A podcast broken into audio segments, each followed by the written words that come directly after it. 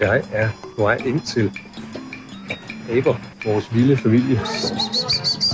Og jeg skal se dem med en af Danmarks største dyre elskere, Bengt Holst. Det er jo gorillaen. Det er jo den vilde slægtning, vi har, ikke? Og som vegetar. Hvis du bliver ved at kigge den i øjnene, så føler den sig truet, og så kan den gå til angreb. Hvis du prøver hele tiden at kigge ved siden af, så vil den nærme sig, og så efterhånden stille sig helt tæt på. Der er kun lige omkring 1000 tilbage af dem. 20 år siden, der var kun omkring 600 tilbage. Så det er altså en af de få arter, der virkelig er kommet i fremgang, fordi man har beskyttet dem. For 15 år siden, så var omkring halvdelen af alle primatarter, de var truede. Og i dag, der er det to tredjedele. Det er bare på 15 år, at det er gået så hurtigt. Vi er jo så en af de primater, som ikke er truet. Ja, det er vi selvfølgelig også, for vi ødelægger vores egen eksistens. Ikke? Det, der fascinerer mig mest, hvor mange former der findes. Store, små, tykke, tynde, flyvende, kravlende. De skal alle sammen finde mad, de skal finde noget, hvad de spiser, ikke konkurrere for mig med de andre. De skal finde skjulesteder, hvor de kan få deres unger. Det har så gjort. Jamen, så er det altså udviklet de forskellige arter. Og det er det, vi ser resultatet af i dag. Ikke? Bare til den variation, der er på de portrætter, der hænger her. Ikke? Og alligevel har de alle sammen noget af det samme. Man kan genkende både vennekredsen og familien. Jeg skal nok være med til navn på. Det, det.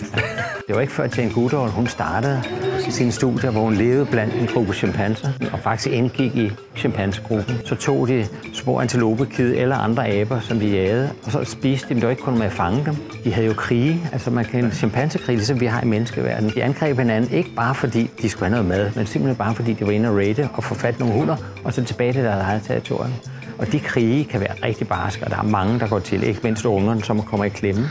Den er jo travlt beskæftiget. Og det synes jeg er rigtig godt, fordi man sagde tidligere, at forskellen på mennesker og chimpanserne, det er jo, at vi mennesker kan bruge redskaber. Det kan chimpanserne ikke. Så fandt jeg jo pludselig af, at chimpanser bruger jo redskaber til at fiske termitter, hvor de stikker strået ned, angriber termitterne. På et tidspunkt hiver de strået op igen, så sidder der slet syv termitter på, og så hvis du går ind i zoologisk have. Der hænger sådan nogle træklodser, og der er nogle huller i, og der bliver puttet rosiner af med jævn mellemrum. De sidste, de er så langt inde, så du kan tage dem med fingrene. Så tager de en gren, flækker den, filer den på tænderne, så den bliver helt spids som en syl, og så tager de det sidste rosinstykke ud. Så de kan altså lave alle de der samme ting. Ja, og så det, synes jeg så fascinerende, at nogle af de stenredskaber, som boloborderne bruger, ja. de er næsten identiske med de stenredskaber, som vi har fundet.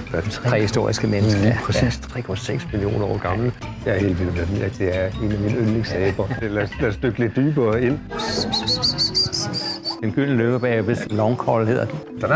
Jeg er så heldig, at jeg har arbejdet med den gyldne løveabe, som nok er en af de bedste solstrålehistorier inden for naturbevarelse, der overhovedet findes på den jord. Hvor, hvor er det henne? Vi er i Sydamerika. Vi er faktisk i det, der hedder den atlantiske regnskov. Det er det eneste sted, det findes. Regnskoven blev fældet for at lave kvægbrug, og der man så i slutningen af 1960'erne fandt ud af, at der kun var omkring 150, måske 200 tilbage ude i naturen. Så begyndte man at lave et egentligt avlsprogram for dem, fandt ud af, hvordan får man dem til at yngle. Siden da har man genudsat lige knap 200, og i dag er bestanden på 4.800. I gamle dage var det ikke noget problem, for der var altid noget skovstykke, hvor der ikke var nogen løveaber, så de var sagtens værd. Er de lukket inde, så der er nogle drabelige kampe engang imellem. Og derfor går det galt. De, de, løber de, de og løber op og ned af grenene, og så kan man se, om de smyger sig hen ad grenene. Det er fordi, de er duftmærker.